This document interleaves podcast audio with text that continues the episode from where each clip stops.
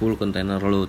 Muatan dari satu shipper dikondisikan oleh MKL dalam peti kemas VCL dan dikapalkan ke negara tujuan sebagai muatan peti kemas VCL yang ditujukan kepada agen konsolidator oleh agen konsolidator peti kemas tersebut statusnya tetap peti kemas LCL dan kemudian muatan diserahkan kepada satu konsigne Status ini mempunyai ciri-ciri sebagai berikut. satu Peti kemas berisi barang atau muatan dari atau hiper ke satu konsigne.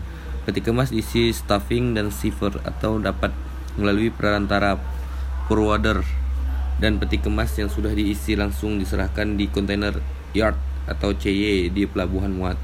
Yang ketiga di pelabuhan bongkar peti kemas diambil oleh konsigne di kontainer yard dan di unstuffing oleh konsign yang keempat, perusahaan pelayaran tidak bertanggung jawab atas kerusakan dan kehilangan barang yang tidak dalam peti kemas.